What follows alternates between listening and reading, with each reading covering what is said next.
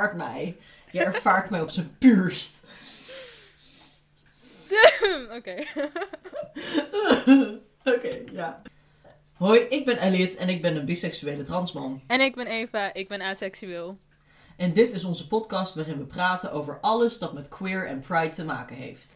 Welkom, bij, Pride Praat.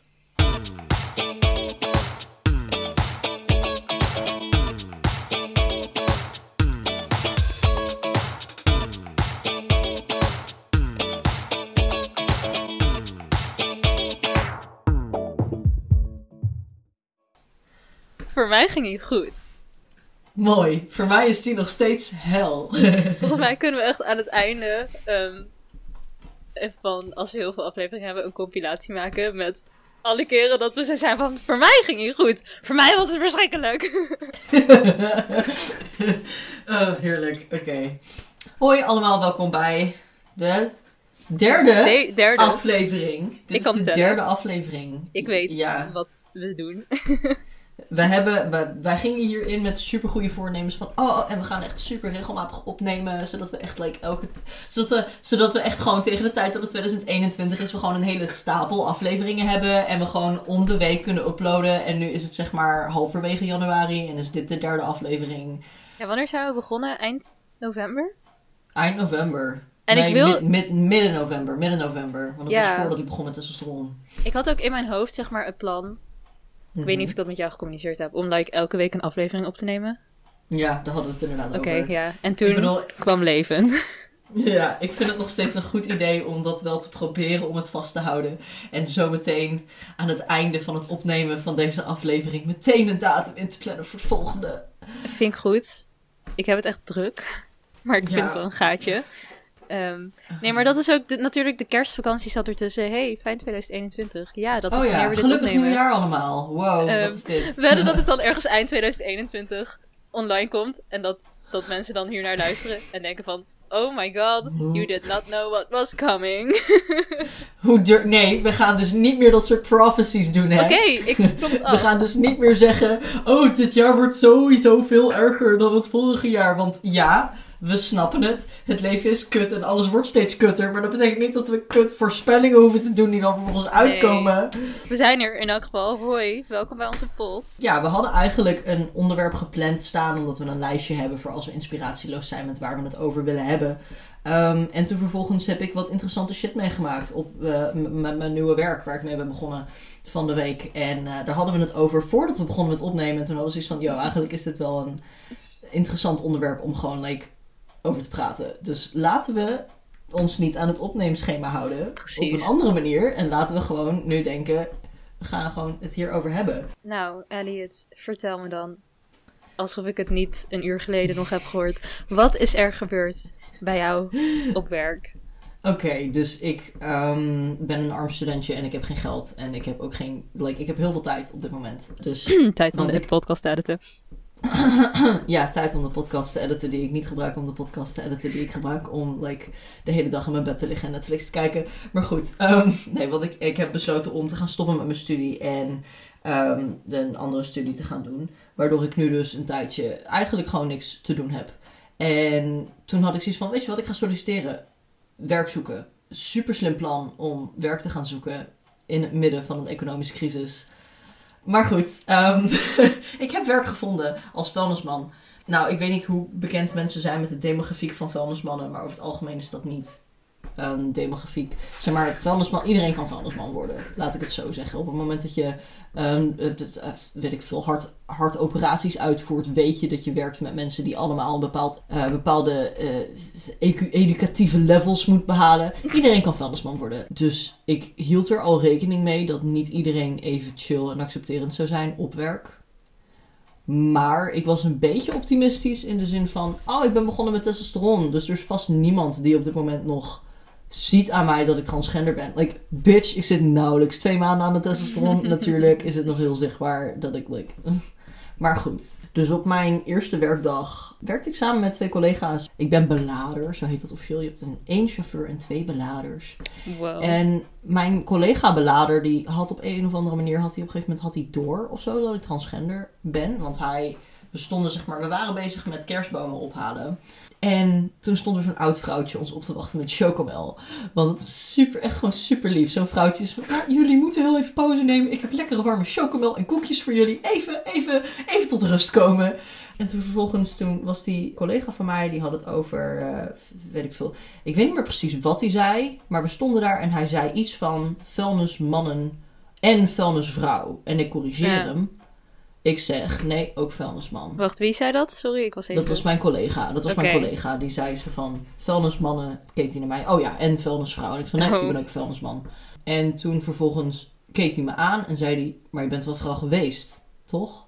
Ik was iets van, ik ga niet liegen. Dus ik zei, ja, dat klopt. Ik ben inderdaad transgender. En vanaf dat moment bleek, dat was halverwege de dag of zo. Daarvoor hadden ze me de hele tijd met hij, hem aangesproken. Vanaf dat moment vonden ze het blijkbaar passend om dat niet meer te gaan doen. Dus vanaf dat moment dachten ze, oh, jij bent transgender. Je bent een transman. Dus natuurlijk ben je eigenlijk een vrouw. Dus gaan Ik vind dat sowieso onlogisch, want als ze je eerst man genoeg vonden om je wel met hij hem aan te spreken, waarom nu opeens niet meer? Het slaat echt Precies. nergens op. Op het moment dat je erachter komt dat iemand transgender is, is de enige valid reden om dan te veranderen met pronoungebruik.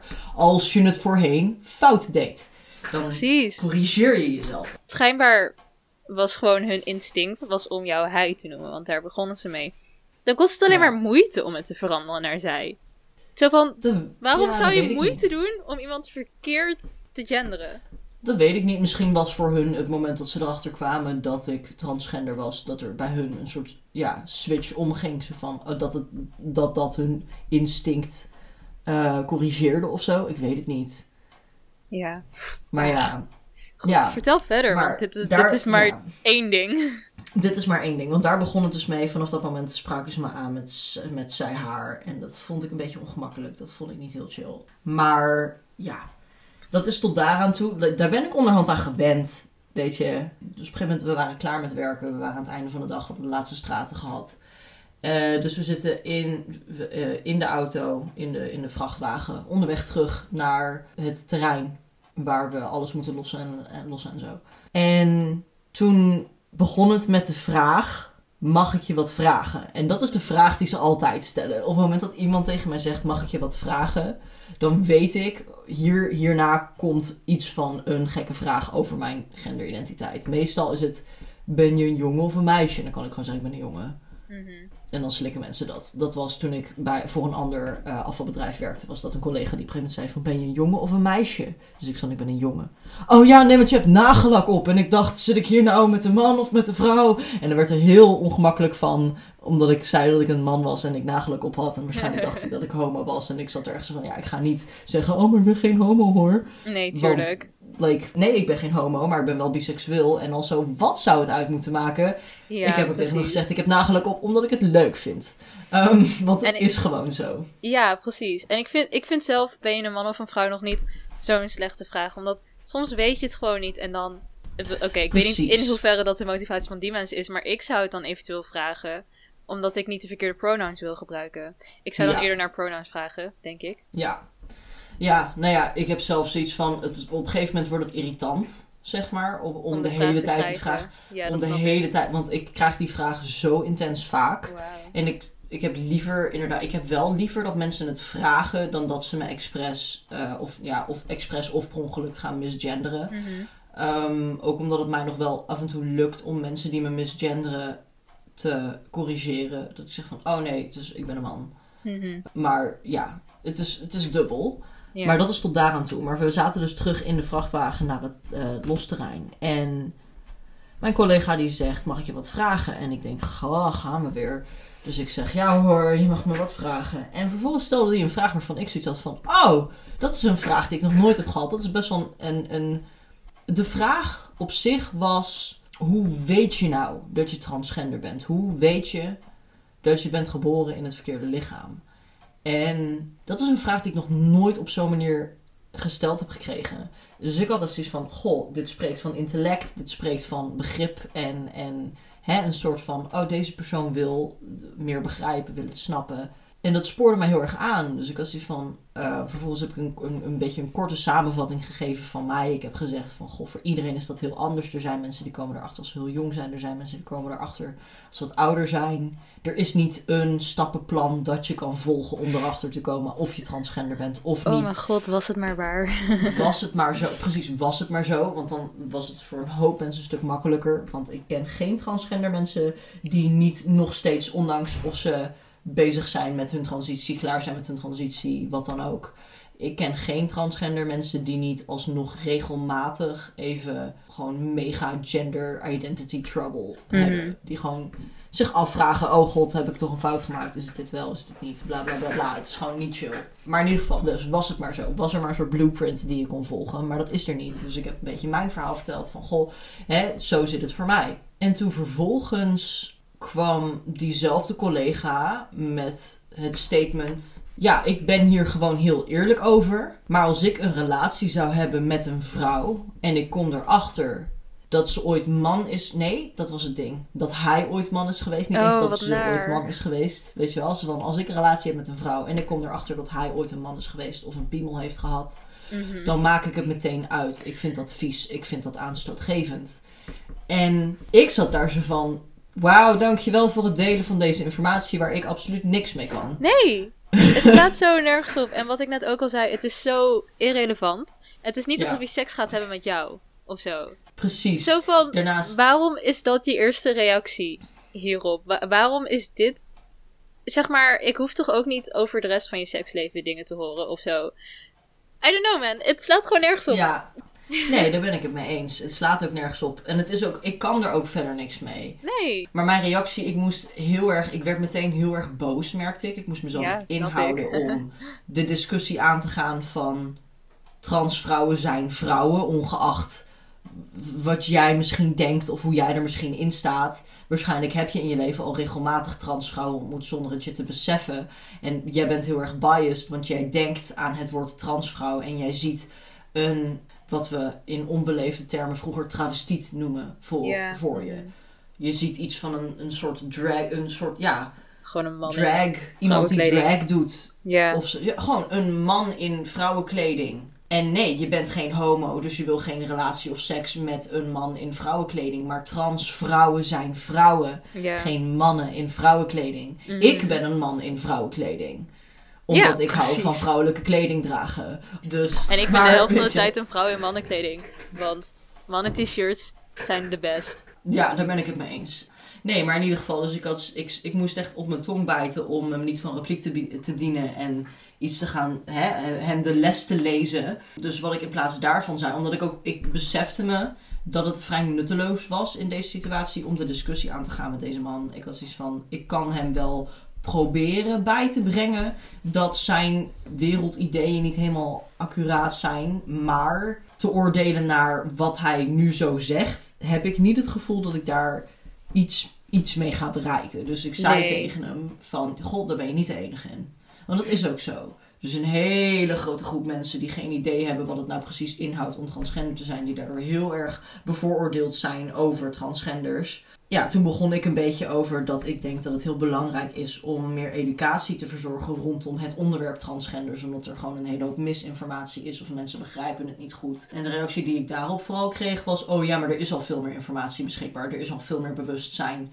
Hmm. En ik was dus van ja, als je het vergelijkt met tien jaar geleden. Tien jaar geleden was het inderdaad dat er een hoop mensen waren die überhaupt de term transgender nooit hadden gehoord. Mhm. Nu ben je in een situatie, bijna iedereen kent het woord transgender wel, maar weet er dan vervolgens niet wat het, wat het precies inhoudt. Ja, en wat het ook is, is denk ik, er is wel informatie beschikbaar, maar je moet dan een stap zetten om het op te zoeken. En Zeker. dat doen mensen niet, want waarom zou je dat doen als je er niks mee te maken hebt, zeg maar? Zo van, ik Ja. snap dat ook wel.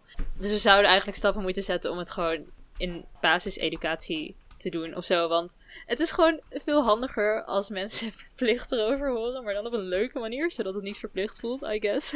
Ik denk dat het oprecht van heel groot belang is om meer basisinformatie te geven aan mensen over onder andere seksualiteit en gender. Zeker. Net als dat we, kijk, wij hadden op de basisschool hadden wij programma's waarin wij regelmatig hadden van die ja, themaweken of zo. Dan had je een thema en dan de hele week stond in het thema van dat thema. Dan ging je daarover leren. Een van die thema's was bijvoorbeeld slavernij. Waardoor wij dus heel veel hebben geleerd over de rol die wij als Nederland hebben gespeeld in de slavernij. Precies van, dan zou je ook dat soort themaweken bijvoorbeeld kunnen hebben over dingen als seksualiteit en genderidentiteit. Ja, en, voor zeker. iedereen, en voor iedereen die zegt, maar kinderen zijn te jong om daarmee bezig te zijn. Als je kinderen filmpjes kan laten zien van mensen die wordt gebrandmerkt, Ja. dan kan je mensen, dan kan je kinderen ook vertellen, god, er zijn mensen die vallen op hetzelfde geslacht. Er zijn mensen die zich niet identificeren met. Want het is niet alsof als je dat een kind vertelt, dat het, dat het kind dan zal gaan denken: Goh, hé, hey, dat ben ik ook.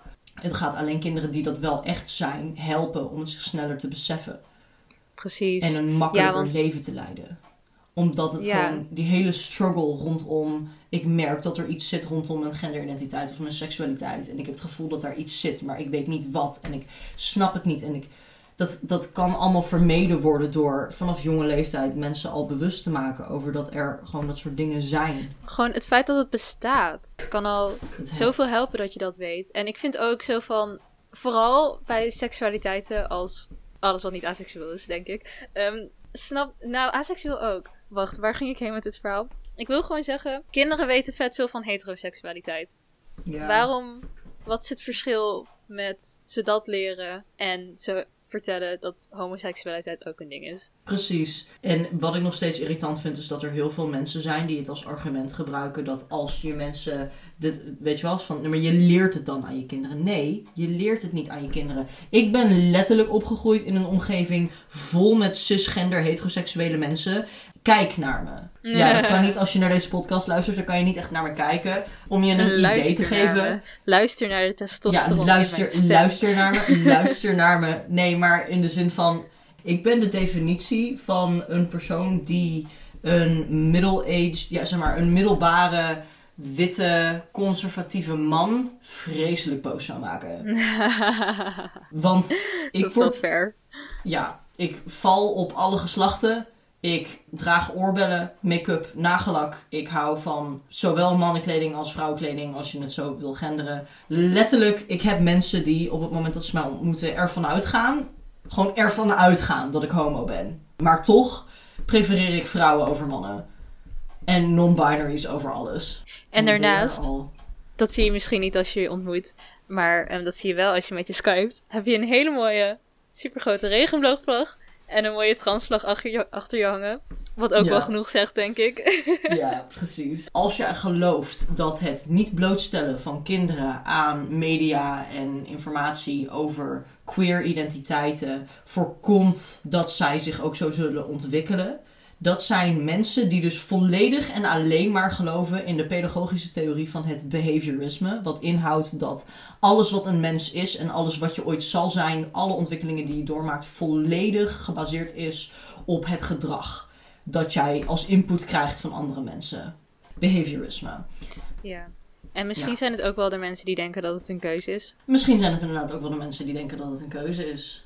Eh, Maar de, de mensen die denken dat het een keuze is, beseffen zich tegelijkertijd ook niet dat als het echt een keuze is. Ten eerste, als het echt een keuze zou zijn, denk je dat er dan nog steeds mensen zouden zijn die ervoor kiezen om homoseksueel te worden in de landen waar je er letterlijk Ja. voor vermoord kan oh worden? mijn god, echt hoor. Of dat je zeg maar de keuze maakt en dat je familie je vervolgens gewoon ja, wegstuurt. Dat ze Mhm. zeggen, yo, nee. Want mensen zijn zich daar echt wel van bewust. En doen niet voor de lol. Maak het niet voor de lol tussen aanhalingstekens de keuze Nee. om uit de kast te komen. Als ze weten dat het hun leven, hun veiligheid, hun economische situatie allemaal in gevaar brengt. Ja, precies. En daarnaast, als het wel een keuze is, eerlijk waar, kan je ons de schuld geven. Want heb je mensen gezien? Like, heb je vrouwen gezien? Heb je mannen gezien? Heb je, like, heb je... En jij zit hier echt zo van, ik, ik, ik kan niet meepraten. Wauw, dat maak je een goed punt. Over dat ik mijn seksualiteit heb gekozen omdat iedereen zo mooi is. En daarom ben ik aseksueel of zo. Ja. Peace. Nee, maar Maar ja, om weer heel even terug te, terug te gaan naar het verhaal dat ik aan het vertellen was over mijn collega. Oh ja, daar waren we ook nog niet klaar mee. Ja, nee, maar ik vind het wel heel mooi hoe dat, hoe dat als een soort leidraad kan eh, fu- fungeren in de statements die wij willen maken in deze aflevering. Yes. Het laatste wat ik zei is dat ik het had over dat we meer bewustzijn moeten creëren binnen de maatschappij over wat transgender precies inhoudt en wat, ja, wat erbij komt kijken. Mhm. En toen vervolgens vond mijn collega het gepast om mij te vragen wat er in mijn broek zit en wat voor een operaties ik allemaal wil laten doen. Oh mijn god, waarom, waarom is dat überhaupt jouw zaak? Ah. Ja, ik zat daar ook van. hmm. En het ding is, ik heb hierin echt een mega persoonlijke ontwikkeling doorgemaakt. Want als, als iemand dat een jaar geleden aan mij had gevraagd, dan had ik mij echt gewoon semi-verplicht gevoeld om ze alle details te vertellen. Omdat Serieus, van het- jezelf? ja, om, omdat ik het heel erg als mijn doel zag om mensen te leren over transgenders. En Oké, maar leren hoeft niet per se. Goed, Nee, leren werkt dat- beter met het antwoord dat je uiteindelijk hebt gegeven. Ja, nee, en dat is wel iets dat ik zeg maar me, me heel erg heb beseft, gelukkig. Want dat was echt een ding waar ik. Dat ook mensen die dan. Ik had, ik had niet door wat mijn grenzen waren wat dat betreft. Dus mensen die dan bijvoorbeeld in mijn klas op mijn opleiding zaten. met wie ik niet echt een goede klik had. die alleen van mij wisten dat ik transgender ben. die dan vervolgens naar mijn, naar mijn eh, dode naam gingen vragen. Mhm. En dat ik het vervolgens nog deelde ook. Dat ik echt zo Oh, van cool. Er is nu gewoon een, een random vreemdeling die rondloopt op deze planeet. Die mijn naam weet. Zeg maar mijn geboortenaam. Zonder dat ik dat eigenlijk wil. Mhm. Waarom heb ik dat gedeeld? Ja. Maar ja, dus ik heb daarin echt sprongen vooruit gemaakt. Want in plaats van dat ik heb gezegd: Oh ja, en dit is wat er in mijn broek zit. En dit zijn operaties die ik wil. En bla bla bla bla. Heb ik gewoon gezegd: Er zijn heel veel verschillende operaties. Er zijn heel veel verschillende opties. En iedereen die transgender is, die ervaart het ding op een andere manier. Er zijn geen twee trans mensen die op elkaar lijken. Dus iedereen maakt erin heel andere keuzes. En dat heb ik wel een beetje op zo'n een beetje een, een, een kortaf-achtige manier gezegd. Om duidelijk te maken van. Dat ik het niet chill vond dat hij die vraag stelde zonder het hardop te zeggen. ja. Waar ik uiteindelijk hoop te komen, is dat ik gewoon kan zeggen tegen mensen op het moment dat ze dat soort ontiegelijk persoonlijke vragen stellen. Om te zeggen, ik weet niet of je het door hebt, maar dat is een heel persoonlijke vraag. En ik, oh, wat gooi je op de grond? Een stokje van Een eten met stokje. stokjes. Ah, ik weet niet of je het door hebt, maar ik hoop dat je je beseft dat deze vraag ontiegelijk persoonlijk is. En ik kies er dus ook voor om hier geen antwoord op te geven. Ja. Dat is waar ik uiteindelijk heen wil. Mhm. Ehm, de reden dat ik, er, dat ik het moeilijk vind nu om dat te doen, is omdat ik heel erg bang ben dat als ik dat soort antwoorden geef, dat ik dan mensen die zich over het algemeen al een beetje innemen tegen de transgender community, mensen die al een beetje transfobisch zijn, zoals die twee collega's, dat het ze nog meer inneemt tegen. Maar ik denk niet dat zo, wanneer je dat gewoon op een rustige manier zegt, hoe kunnen ze zich dan er tegen keren?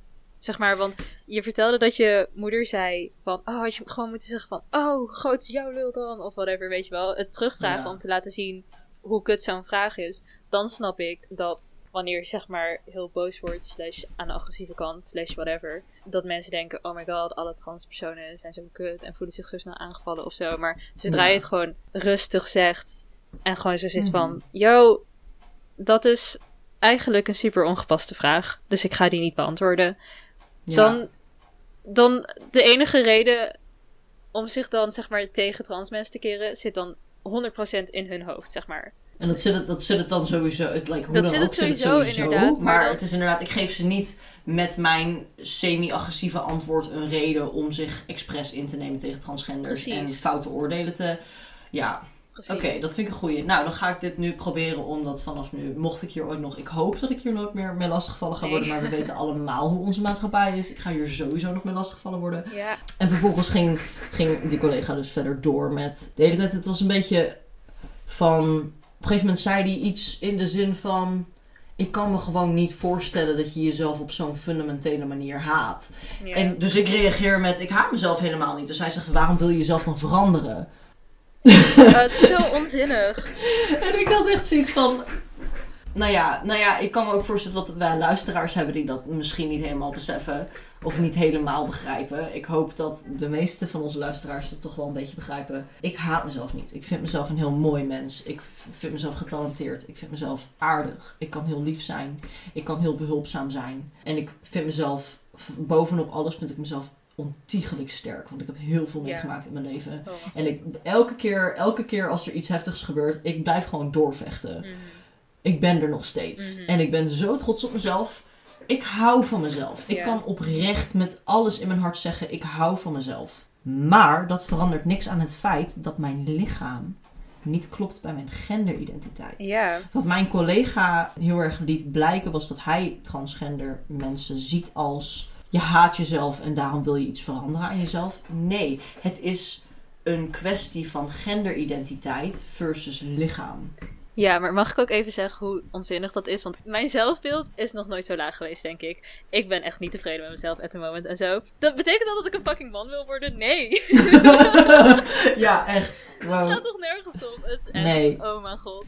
Precies. Het, is dus het, het kunnen houden van jezelf staat volledig los van je genderidentiteit. Maar ja, dus dat. En toen, ik probeerde dat aan hem uit te leggen. Ik probeerde uit te leggen van wat ik nu ook heb gezegd. Hè, nu net. Mhm. En hij begreep het niet. Hij bleef gewoon de hele tijd doorgaan over het dat hij het zo niet begreep. Dat hij het zo niet begreep. En dan heb ik zoiets van, nadat je de eerste keer zegt dat je het niet begrijpt, snap ik het. Als ik dan probeer om het uit te leggen en je begrijpt het alsnog niet, dan hoef je het niet daarna nog vijf keer te herhalen. Nee. Want het enige wat dat, wat dat met mij doet, is dat ik een bepaald vervreemdend gevoel krijg, krijg van, oh goh, of nou ja, dat heb, ik, dat heb ik gelukkig niet gekregen. Maar het, is, het voelt heel erg alsof het de bedoeling is dat hij mij daarmee een gevoel geeft van, oh kijk, oh ik ben zo raar. Ja, en ik snap ook niet zo van... Het, opnieuw, dit is weer zo'n zo'n reactie van, wat moet jij daarmee? Oh, je begrijpt het niet? Oké, nou leuk voor je. Ja, ik probeer het je te laten begrijpen, maar als dat niet werkt, ja... Dan werkt het niet, hè? Wat wil je nou? Wil je dat ik toe ga geven dat jij gelijk hebt? Ik bedoel, dat is niet wat er gaat gebeuren. Dus Nee, wat wil je hiermee bereiken? Ja, en het, het is wat ik al zei. Ik heb heel erg lang en heel erg lang het gevoel gehad dat het mijn, mijn job is om alle mensen zoveel mogelijk uit te leggen over hoe het is om transgender te zijn. Omdat ik zoiets had van, goh, ik ben transgender en ik wil dat onze maatschappij accepterender wordt van andere mensen die trans zijn en andere verschillende seksualiteiten en oriëntaties en whatnot. En ik vind dat zo belangrijk dat ik eh, dat doel, koste wat het kost, wil bereiken. Ook als, het mezelf als ik mezelf daarmee in oncomfortabele situaties bevind. Dus ik was voorheen ook heel erg snel, zou ik voorheen heel snel geneigd zijn om door te blijven gaan en door te blijven uitleggen. Of, te- of dan een soort rol in te nemen waarin ik zeg van goh, eh, wat snap je niet, wat snap je precies niet, wat zou ik kunnen uitleggen om het duidelijk voor je te maken. En ik ben heel erg blij dat ik dat niet meer heb. Nee, inderdaad. Want je kan een paard naar het water leiden, maar je kan een paard niet dwingen om te drinken. En mensen die vragen hebben over genderidentiteit en dat soort dingen, kunnen het gewoon googlen. Mhm. We hebben een heel fucking Wikipedia met queer informatie, waarin alle seksualiteiten en genderidentiteiten uitgelegd staan. Als je het echt wil weten, als je het echt wil weten, dan kan je zelf het opzoeken. En als lezen niet je medium is, dan zijn er YouTubers die het uitleggen, filmpjes. Weet ik veel wat. Er zijn podcasts over. Hoi. Wij zijn een podcast. Wow, ik was even met mijn hoofd Vergeten maar, dat we een maar podcast half zijn. aan het luisteren en het kwam niet tot me door. Maar het is, zeg maar, als iemand echt wil weten Ja. hoe het werkt en wat er speelt, Mhm. Dan kan je de moeite doen om er zelf dingen over te, te onderzoeken, zodat je ook vragen kan verwoorden. Dat je kan zeggen: Goh, hey, ik heb gelezen dat dit en dit en dit. Als jij je daar comfortabel bij voelt, wil je mij misschien een beetje uitleggen hoe dat is voor jou. Dan laat je zien dat je zelf inderdaad oprecht interesse hebt in het onderwerp, dat je het echt wil begrijpen en dat je daarnaast begrijpt dat niet alle transgender mensen hetzelfde zijn. Ja. Dat iedereen een heel eigen verhaal heeft. Mhm. En dat je dus niet kunt bagatelliseren. Maar dat was gewoon niet het geval met mijn collega. Nee, en dan heb ik ook niet de behoefte om daar verder op in te gaan. En ik denk ook dat je op een gegeven moment gewoon wel kan inschatten of die persoon daadwerkelijk er open voor staat om erover te horen. Precies. Of niet, want ik denk dat deze persoon het gewoon niet, er gewoon totaal niet voor open stond. En dat je had kunnen zeggen wat je had gewild, maar dat het echt niks uitgemaakt had. Dus dan kan je er net zo goed, maar beter niet aan beginnen. Precies, want dan bespaar ik mezelf alleen maar de moeite. ja, precies. Segment tijd. Segment! Joepie. Nou, eh, wat is het eerste segment? Queer history, toch? Nee, eh, transitie. Oh, wauw, ik hou ervan hoe goed ik mijn eigen podcast ken. Same. Nou ja, dus het is een tijdje geweest, inderdaad, anderhalf maand. Wow. Dus Wow. ondertussen zit ik een stukje verder al in mijn transitie. Ik ben eh, over, over, ja, over vier dagen zit ik officieel twee maanden aan de testosteron. Oh my god. Mijn stem is voor mijn gevoel het grootste ding dat me bezighoudt. Nee, dat is niet helemaal waar. Maar ik begin heel even met mijn stem. Mijn stem slaat over, regelmatig. Ik kan niet meer zo normaal lachen. Als ik echt enthousiast lach, dan klink ik als een anime-karakter dat gek wordt. Dat is, gewoon, dat is gewoon zo. Ik klink alsof ik echt opgesloten moet worden in een gesticht. Ehm, ook als ik 's ochtends wakker word, dan klinkt mijn stem... Kijk, ik kan nu gewoon... Wacht, ik moet even ontspannen. Dit is mijn stem. Dit is mijn stem. Zo laag, zo laag is mijn stem. De reden dat mijn stem over het algemeen een stuk hoger klinkt, het is dit. Want ik zat hier echt mee. Ik had dus iets van: oh, ik vraag me echt af waardoor dat komt en bla bla bla. En toen was. Eveline was hier laatst en toen vroeg ik van: yo, Eve, jij bent logopedie eh, eh, student. Jij bent Leg logopedie. uit. Jij bent logopedie. Eh, leg uit, als je dat kan, hoe werkt dit? En toen Mhm. vertelde Eveline van, het is heel erg een ding, je stem wordt hoger naarmate je meer aanspant. Mhm. En vrouwen leren vaak om aangespan, een beetje aangespannen te praten, omdat Oh. het wat, dat klinkt wat cuter namelijk, wat cute, zo hoog, zo, oh mijn god, ja, oh wat leuk. Dus als ik me ontspan, dan komt mijn werkelijke toon naar boven. Oh. Ehm, ja, dus, maar ja, dit is mijn stem. Twee maanden aan de testosteron. Wow. oh my Ehm, god. oh my god. Nou ja, nog niet twee maanden, acht weken. Acht weken aan de testosteron. Ik kan gewoon niet meer zo goed hoog zingen. Als ik hoog zing, dan krijg ik ook echt last van mijn keel. Verder heb ik gezichtshaar. Mijn, ik heb dit jaar geen cadeautjes gehad voor kerst. Behalve, ik werd op eerste kerstdag wakker. En ik had gewoon een fucking vies snorretje op mijn Ja. bovenlip staan ineens. Zo'n snorretje dat al die 13-jarige puberjongetjes op de Oh, middelbare school hebben. Dat ze Zo dan naar. Zo'n snorretje dat je dan laat staan. Want oh, ik ben 13 en ik heb mijn eerste snorharen en dat is cool. Dus ik heb... En ik zit hier zo van, oké, ik ben het eens met het feit dat mijn eerste snorharen cool zijn.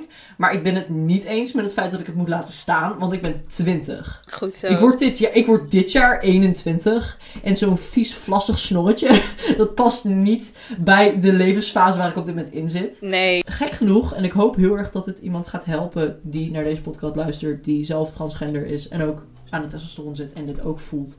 Want ik raakte in paniek. Ik werd wakker en ik had heel erg, ik had echt een, een hele hoop verwachtingen op het moment dat ik zou beginnen met testosteron. Van oh, en ik ga me zo fijn voelen als ik, als ik eenmaal begin met mijn gezichtshaar. En mijn eerste reactie op het moment dat ik in de spiegel keek en mijn snorharen zag was paniek.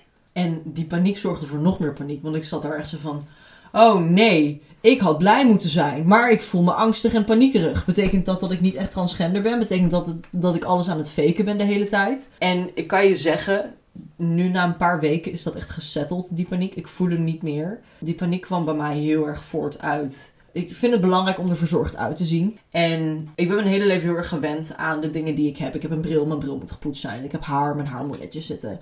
Maar nu krijg ik ineens gezichtshaar. En het is een gegeven dat op het moment dat je je niet goed scheert of je baard niet netjes trimt, dat je er dan gewoon onverzorgd uitziet. En het vooruitzicht dat ik de rest van mijn leven me dus regelmatig gewoon zorgen moet maken om het bijwerken van mijn gezichtshaar, om er nog verzorgd uit te kunnen zien, dat zorgt voor paniek. Ik zat dus van, oh, dit is iets nieuws en dat moet ik aan gaan leren. En het komt wel goed uiteindelijk, prima, maar nu gewoon heel even, ah, help, Mhm. iets nieuws. Het is een tijdje geweest sinds kerst in ieder geval. ik, ik, ik, moet me nu. Ik scheer me onge- ongeveer twee keer in de week. En ik kan zeggen, op dit moment, ik krijg zo'n mega euforie rush van het scheren. Maar als vervolgens mijn gezichtshaar dus weg is, dan geeft me dat echt een genderdysforie. Dan zit ik eens op, maar mijn snorretje. Maar mijn mooie snorretje. Mooie mijn snorretje. mooie, mijn, mijn fucking lelijke, maar toch mannelijke snorretje. Ik wil mijn snor, godverdomme. Ik word niet meer ongesteld. Ik ben nog steeds niet ongesteld geworden. In de afgelopen twee maanden ben ik like, in de eerste week ongesteld geworden, omdat ik ongesteld moest worden toen. En verder ben ik niet ongesteld geworden. Wel voor de krampen nog, eh, af en toe. En dat is een eh, niet zo heel chille ervaring. Ik ben wel heel erg blij dat ik niet meer bloed verder. Ja. Dat het alleen de krampen is. Ik hoop wel dat de krampen op een gegeven moment ook ophouden. Want het is gewoon niet zo'n chill gevoel. Als je Maar zou kunnen is- kiezen ja. tussen bloeden zonder krampen of krampen zonder bloeden. Krampen zonder bloeden, omdat bloeden voor mij meer genderdysforie veroorzaakt dan krampen. Cool, Ehm, interessant. Dus wat dat betreft ben ik echt blessed in deze Ja, dat is situatie. heel dan. Mijn lichaamshaar begint nu echt door te zetten. Op dit moment, even checken. Maar op dit punt kan ik zeggen dat ja, zo goed als de helft van mijn buik bedekt is met een laagje donker, dik, dons haar. Wow, En het is apart. niet, het is zeg maar, voor mij is het goed zichtbaar op het moment dat ik naar mijn buik kijk. Op het moment dat ik voor de spiegel sta, dan in, de spiegel, in mijn spiegelbeeld is het niet zichtbaar. Dus het is Mhm. alleen zichtbaar als ik naakt ben en iemand bovenop me ligt en dan naar mijn buik gaat kijken, zeg maar. Maar voor mij, ik merk dat ik het heel nice vind. Ik word er heel erg blij van. Ik weet niet hoe, hoe intens TMI dit misschien is. Ehm, Mag je Dus- bedenken tijdens het editen. nou ja, nee, ik ga het er wel in laten. Het Oh, is meer een waarschuwing voor de, voor de luisteraars. Uh, Ja. als, je, als je geen behoefte hebt om dingen te horen over seksueel getinte shit. Dan heb ik sowieso iets van wat doe je bij deze podcast. Want waarschijnlijk komen er nog best wel wat afleveringen die daarover gaan. Maar dan waarschuwing, skip even. Ik vul hier heel even in hoe lang je moet, vooruit moet skippen. Editing Eva hier. Als je niet Elliot seksuele shit wilt horen, moet je even skippen naar 36 minuten 25. Dus voor de mensen die het wel willen horen. Geilheid is zeker een ding. Dat is gewoon... Het is testosteron, weet je. Ja, hi, dat veroorzaakt gewoon eh, opgewonden shit. En het is bij mij op dit moment gewoon zo dat ik basically een compulsory masturbator ben geworden. Want ik moet gewoon elke dag minimaal één keer masturberen. Als ik dat niet doe, dan ontplof ik. Dan is het echt, en ik heb het echt gemerkt, dat is gewoon niet chill. Dus ik heb dat gewoon, ik plan dat eigenlijk, plan ik het op dit moment ook gewoon in. Omdat ik gewoon niet anders kan. Ik moet wel. Dat is wel een verandering waar, nou ja, ik me bijvoorbeeld kan voorstellen van, ik heb, want dat is iets waar ik het ook met mijn psycholoog bij het vuur over heb gehad. Dus zij probeerde dat een beetje te polsen. Van, gaat dat? Kan- lukt dat jou? Want er zijn dus mensen die transgender zijn die daar echt last van hebben. Transmannen die beginnen aan testosteron. Die vervolgens inderdaad heel erg die seksuele ehm, neigingen krijgen. Die er niks mee kunnen omdat hun genderdysforie Oh, ja. zo heftig is. Dat ze, dat ze dat niet kunnen doen. Wat dat betreft ben ik echt blessed dat ik daar op dit moment niet zoveel last van heb. Maar ja, dat is wel een, dat is wel een ding wat gewoon lastig kan zijn, helaas. Ja. Maar voor mij dus gelukkig niet lastig is. Ja, dat, dat is mijn transition update. Yay! Oké, volgende segment. Dit is wel Was- queer history, toch? Queer history. Cool. Ehm, dit Vertel is, me, ja, Elliot. Enlighten me. Dit is zowel history als nog steeds current events. Mhm. En het is ook cultureel gekoppeld. En het gaat over de inheemse volken van Amerika. Voordat wij vanuit Europa naar Amerika toe trokken en daar de bullshit van hebben gemaakt die het nu is geworden. Hè, leefden daar ja, de inheemse volken. En ik ga het gewoon eventjes voorlezen wat hier staat. Onder de inheemse volken van Amerika voorafgaand aan de Europese kolonisatie had een aantal naties de rollen eh, gerespecteerd van homoseksuele, biseksuele en niet-conforme individuen. Oftewel, het was vroeger in inheemse Amerikaanse stammen gebruikelijk dat mensen homoseksueel of biseksueel of zelfs non-binary waren. Dat was gewoon, Mhm. Dat werd erkend. Cool. In veel inheemse gemeenschappen wordt dit nog steeds waargenomen en gerespecteerd. De naam voor, voor die term is Two-Spirit. Dat klinkt heel cool. Wat, wat ik ook heel mooi vind, is meestal wordt deze persoon al vroeg in hun leven herkend en op de juiste manier opgevoed. Nou, dat is zo Waarbij nice. die van de ouderlingen de gewoonte, spirituele en sociale plichten leert die deze speciale mensen in de gemeenschap vervullen. Het, is dus, het is dus in de inheemse Amerikaanse culturen gewoon belangrijk. Zijn, zeg maar, is het normaal, maar niet alleen normaal, zijn het ook gewoon belangrijke mensen die dus inderdaad speciale, spirituele en sociale en gemeenschappelijke rollen vervullen. En het, ik vind het een heel mooi idee dat je opgroeit in een gemeenschap waarin je geboren kan worden als ja, two-spirit. En dat je dat vanaf kind, dat het vanaf kind erkend wordt. Ja. En in plaats van wat wij gewend zijn, dat je toch heel erg de stigma's moet bevechten. En je een soort van los moet worstelen uit de verwachtingen van de maatschappij. Mhm. eh, en de heteronormativiteit. Dat je gewoon vanaf jongs af aan erkend wordt als two-spirit. En sterker nog, gewoon erin wordt begeleid ja. en wordt opgevoed.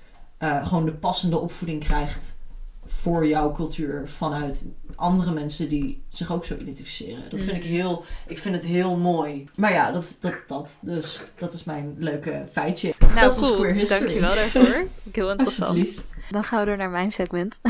Woe. Ehm, goed, ik heb zelfs twee verhalen om te delen met jullie vandaag. Oh my god. Ehm, ik weet niet waarom ik zo blij praat, want het eerste was niet een heel leuk. En ik moet zeggen, het was, ik heb het echt niet zo ongelooflijk negatief ervaren op dat moment. Ik denk dat ik het zeg maar iets negatiever in mijn hoofd gemaakt heb achteraf dan dat het was. Maar eh, het had niet zulke leuke gevolgen voor mij Mm. ik was gaan eten bij familie. Eh het waren een man en een vrouw. En, en toen, op een gegeven moment, vroeg hij gewoon letterlijk aan mij of ik op jongens of op meisjes val. En ik had zoiets van, nou ja, ten eerste wilde ik mijn asexualiteit niet meer als geheim behandelen. Ten tweede Mhm. heb ik ook gewoon geen zin om te liegen. En elk Ja. antwoord van ik val op mannen of ik val op vrouwen of whatever zou liegen zijn, basically. Ja. Dus toen ben ik uit de kast gekomen. En ik weet niet zeker of deze reactie kwam meteen daarna of toen ik het al over mijn eventuele aromanticisme had. Maar wat zij, een van de eerste dingen die zij zei, was: Weet je wel niet hoe jong je bent? En dat was heel erg Mhm. kut.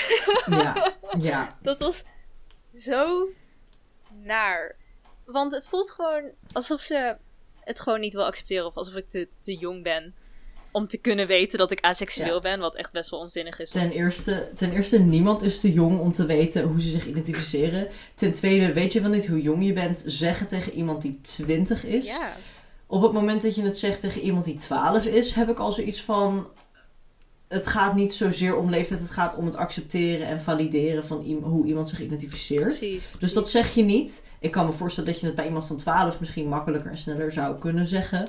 Maar iemand van 20, daar heb ik zoiets van, ja, 20 is jong vergeleken met alle leeftijden boven de 20. Maar het is niet alsof 20 infantiel is. En wat ik ook heel erg in dat gesprek merkte, was dat, dat ik heel erg de neiging had om te zeggen: Dit is hoe ik me op dit moment voel. Dit is hoe ik me op dit moment identificeer. Alsof, alsof ze het alleen zouden accepteren als het nog kan veranderen. Alsof het niet oké is om mijn hele leven lang aseksueel te zijn, zeg maar. Ik had heel erg de neiging dat ik, of het gevoel dat ik daar de nadruk op moest leggen om het oké te laten zijn voor haar. Ja. Wat natuurlijk ongelooflijk onzinnig is. Ze vroeg ook op een gegeven moment aan me of ik al dingen geprobeerd had. Lekker vaag. Toen zei ik, Super invasive vraag ook. Ja. Van het ligt eraan wie die vraag stelt, maar... eh, mm. En like, oké, dit was wel het soort familie die de vraag mag stellen. Op zich. Ja, dat maar, hmm, weet je wel. Toen Mhm. zei ik, nee. Zei ze iets in de richting van, dat kan ook helpen. Helpen met Ja. wat? Ja, Waarom is het iets slechts om aseksueel te zijn? Ze ging er gewoon iets te veel tegenin. Ja. En dat is gewoon kut, want ik zeg gewoon, hoi, ik ben aseksueel. En waarom moet je er dan tegenin gaan? Mhm. Maar wat me nog meer verraste, was het effect dat het op me had. Want ik had verwacht, als ik uit de kast zou komen en ik zou een slechte reactie erop hebben, dan denk ik, ah, dit is zo vermoeiend en dan ga ik weer door met mijn leven. Maar ik heb echt een solid maand dus lopen twijfelen over mijn Mhm. seksualiteit daarna. En ik ben er nog steeds niet helemaal over uit. Ik, ik ben er wel Mhm. over uit, zeg maar. Maar het, het komt nog terug, regelmatig. Want ja. ik ga dan denken, oh, ik ben ook wel jong en ik heb ook niks Ja. geprobeerd. En ik heb nooit begrepen waarom mensen zich voelden alsof ze hun seksualiteit aan het faken waren. Hm. Dat is het Ja. moment dat ik erachter kwam. Ja, ik vind het wel heel mooi dat je dat deelt, moet ik zeggen. Want het is inderdaad een, een effect dat niet heel veel mensen zich, waar, waarvan niet heel veel mensen zich bewust zijn hoe schadelijk het is op het moment dat je inderdaad tegen mensen zegt van goh, hè, dat op het moment dat je mensen probeert, hoe sommige mensen dat misschien zouden verwoorden, probeert open te stellen tot de mogelijkheden dat er ook nog andere seksualiteiten zijn. Iemand die uit de kast komt, heeft per definitie al veel tijd en energie en moeite gestopt in het proberen van het uitvogelen van een label voor diens seksualiteit. Om vervolgens dan te zeggen: Ik hoor wat je zegt, maar also, ik denk dat misschien dit of dit of dit. Zorgt er niet alleen voor dat die persoon zich heel erg niet gezien voelt en misschien ook gekwetst of gepijnigd voelt. Maar het zorgt inderdaad ook gewoon, het bevestigt weer die twijfel. Ja, Het bevestigt die twijfel die eigenlijk vanuit een maatschappelijke druk al constant op je wordt gedouwd. ja. Ik snap gewoon niet waarom je de behoefte voelt om er tegenin te gaan. Want dat Mhm. geeft een beetje het idee mee dat er iets mis is met asexueel zijn. Ja. En dat, is iets, dat het iets zou moeten zijn wat ik zou moeten veranderen. Maar dat is niet zo. Maar ik was Zeker daarna niet. wel een tijd bang dat ik, omdat ik zo zit van ik ben asexueel, dat ik me ervoor afsloot. Zeg maar dat ik me dan afsloot voor als ik het wel op een gegeven moment zou ervaren. Dat ik, zeg, Mm. Weet je wel? Dat ik me Ja. er niet meer voor openstelde. Maar ja. ik had het er toen op een gegeven moment met een vriendin over, met Eveline, denk ik. Shout-out. We hebben het heel veel over Eveline. Ze is echt, ze wordt straks echt een, een Pridepot bekendheid. en Eveline zat ook zo van, ja, maar dat doe je helemaal niet waarschijnlijk. En toen bedacht ik me ook, nee, want als één ding dat bezig zijn met mijn seksualiteit doet, is dat ik er fucking veel mee bezig ben. Ja. Dus- Dan, ik denk dat ik het juist snel zou opmerken als ik wel seksuele aantrekkingskracht zou voelen. Ja, maar ook, ook dan, ook als, want vanuit mijn eigen ervaring, ook als je je bijvoorbeeld af zou sluiten voor het voelen van seksuele aantrekkingskracht, dan is dat Mhm. ook niet per definitie slecht. Ik identificeer me nu als biseksueel, maar ik heb een hele lange tijd mij geïdentificeerd als ik val alleen op vrouwen. Mhm. En het heeft voor mij gewoon heel lang geduurd voordat ik me ook open kon stellen tegenover het feit dat ik me wel degelijk seksueel aangetrokken voel tot, tot onder andere ook mannen Mhm. en non-binary mensen. En dat, vali- dat, dat is verder, invalideert dat niet hoe ik mij nu label of hoe ik mij in het verleden heb gelabeld. Ja, inderdaad. Oké, wacht. Ik wilde nog één ding zeggen over de opmerking. Weet je wel niet hoe jong je bent? En dan denk ik Ja. dat we dit deel van mijn coming out kunnen afsluiten. Ehm, is goed. maar nee, ik had het erover met iemand die ik op de Ace app heb ontmoet. Ik weet niet of ik al eerder over deze app gepraat heb op de podcast, maar het is dus een plek, een soort van dating site en community plek tegelijkertijd voor eh Ace mensen. En ik heb heel veel rare mensen ontmoet, maar ook een paar geweldige mensen. Deze Mhm. persoon is daar één van. Dus we hadden het erover. En toen zei die persoon van... Ja, wanneer kan je dan wel weten dat je aseksueel bent, zeg maar? Als Hmm. 20 te jong is. Al- Als je 40 bent of eh, als je doodgaat. Toen zei ik al zo van... Oh, ik ga gewoon, wanneer ik doodga... Ga ik gewoon op mijn sterfbed iedereen erbij halen die me niet gelooft. En zeggen, zie je wel? Ik ben wel aseksueel. en toen zei die zei toen van... Ja, maar wat nou als je wel doorgeleefd was en toen niet dood was gegaan, dan had je toen nog seksuele aantrekkingskracht kunnen voelen. Dus je kan het nooit zeker weten. Ja, nee, je bent altijd te jong. Nee, het kan niet. Ga verder met je tweede out. Goed, nou, Q, Eva twijfelt voor anderhalve maand over haar seksualiteit. En toen kwam dit. Ehm, dit hier hoort al hier hoort meer achtergrondverhaal bij. Ehm, want Eveline, shout-out. Die had op een gegeven moment ehm, aan een vriendin van ons verteld dat, eh, dat we deze pot begonnen waren. En dat is eigenlijk een van mijn weinige vrienden die ik het niet, nog niet had verteld dat ik aseksueel ben. Dus ik zat echt een, gewoon een paar dagen later of zo daarover na te denken. En ik zat van, hè, Eveline, wat heb je eigenlijk gezegd? Want ik vroeg me af of ze me geout had. dat had ze niet gedaan. Want Oh natuurlijk ja, heel even dat niet. FYI. Je hebt ons toestemming gegeven om, als we het met andere mensen over jou hebben, om dan het, het feit dat jij asexueel bent niet geheim te houden, toch? Ja, ja, dat heb ik. Ja. Nee, heel heb even dat ook tegen voor de... gezegd? Nee, Oh, nee maar meer in de zin van even voor de luisteraars. Niet dat de luisteraars straks zoiets hebben van... Oh nee, Eveline heeft even geout tegen de wil in. Ah! Nee, Want we houden van nog, Eveline en Eveline is een schatje en we stand her. Shout out! dit komt in mijn verhaal, Elliot. want goed, want dat was dus het moment. Ik was toen net dus uit de kast gekomen bij de mensen van, een vereniging. Maar, Ja. En toen vertelde ze dat ze gewoon... Dat ze in ieder geval het niet over de inhoud van de podcast had gehad. Of dat ze gezegd had dat het geheim was of zo. I don't know. En Ja. toen zei ik zo van... Oké, nou... ehm, ik heb besloten dat ik het niet meer als geheim ga behandelen. Dus je mag het zeggen. Ja. Het zat in mijn verhaal. Ehm, Dat zat in je verhaal. en toen was ze helemaal enthousiast. En ze was van, oh my god, ja, ik wil het zeggen. Wat ik echt te grappig vond. Ik had ook zoiets van, oh, hoe gaat ze dit... Dit gaat ze vast nu zonder enige context gewoon versturen. Yo, Eva is asexueel. En toen kreeg ik dus een, een, een appje van die vriendin. En toen zei ze: Ik wilde je even laten weten dat ik het super knap van je vind. Dat je al zo goed weet wat je, wat je voelt en wie je bent. Wat zo lief Ja. is. En oh, ze zei ook. En ook super gaaf dat je een podcast gaat maken over dit soort moeilijk bespreekbare onderwerpen. Dus hey. Nice. Ze vro- vroeg als of het als een opluchting voelde dat ik erachter was gekomen. En toen zei ik van, ja best wel. Het is wel gewoon fijn om te weten dat er niet iets mis met me is of zo. Omdat ik geen behoefte heb aan seksuele dingen. En toen zei zij, dat sowieso niet. Dat is nog wel het laatste wat je moet denken. Als iemand je ooit zoiets zou zeggen, dan is er juist iets mis met die andere persoon en niet met jou. Oh. Dat was zo lief. Oh. Oh ja, en toen zei ik ook nog zo van dat mensen het niet lijken te snappen dat het gaat om gewoon niet omdat ik het niet doe, maar dat ik er geen interesse in heb. Zeg maar gewoon Ja. het feit dat ik, mijn dat ik geen seksuele aantrekking voel. Dat heeft niks te maken met wat ik al wel of niet gedaan heb. Want mensen die wel seksuele aantrekkingskracht voelen, voelen dat ook al voordat ze seks hebben gehad. Weet je wel? Ja, precies. En toen zei ze. Precies, maar meestal hebben mensen zoiets van: als je het niet geprobeerd hebt, dan weet je ook niet wat je mist. Maar ja, ik vind de ruimte heel eng, dus ik zou nooit een raket instappen. En dat weet ik nu ook al van tevoren. Ja, En ze zei Ja. stomme vergelijking, Do, maar ik vond het een goede vergelijking. En toen zei ze, de favoriete zinnen uit dit gesprek. Maar soms weet je gewoon dingen van jezelf. En daar moet je op vertrouwen. oh, zo mooi. En dat vind Dat ik een vind hele, een hele goeie. ik ook, een hele goede boodschap. Want het was ook, ja, het kwam Ja. dus echt na heel veel twijfelen. Maar ze heeft gelijk, ik weet het van mezelf. En daar moet ik gewoon op vertrouwen. Ja, Ik, ah, ik vond dit zo fijn. En ze is zo lief. En ik word er gewoon zo blij van als mensen zo lief zijn.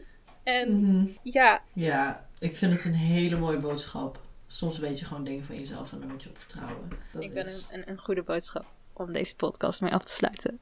dat vind ik heel mooi. ja, ik vind het oprecht een hele mooie om deze week mee af te sluiten. Deze aflevering, niet deze week.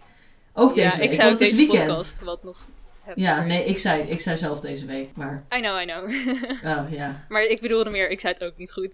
Oh, de aflevering in plaats van de hele podcast. ja, Nou, dit was onze eh, podcast. Drie afleveringen tot weer. verder. Ja, nou, leven. wat leuk, bedankt voor het luisteren allemaal. Die. Precies. Bedankt voor het luisteren. Ik hoop dat jullie het leuk vonden. Of dat jullie in ieder geval ehm, wat wijsheden en lessen eruit hebben weten te halen. Mijn hoofd ging echt naar like en subscribe. en klik on the bell to be notified. Bedankt voor het luisteren en tot volgende week. Volgende week. Like, nee, twee- Eh. ten eerste over twee weken. Ten tweede misschien niet over twee weken, want we weten nog niet wat, een- wat ons upload, uploadschema gaat zijn. Dus tot de volgende aflevering. Tot de volgende keer.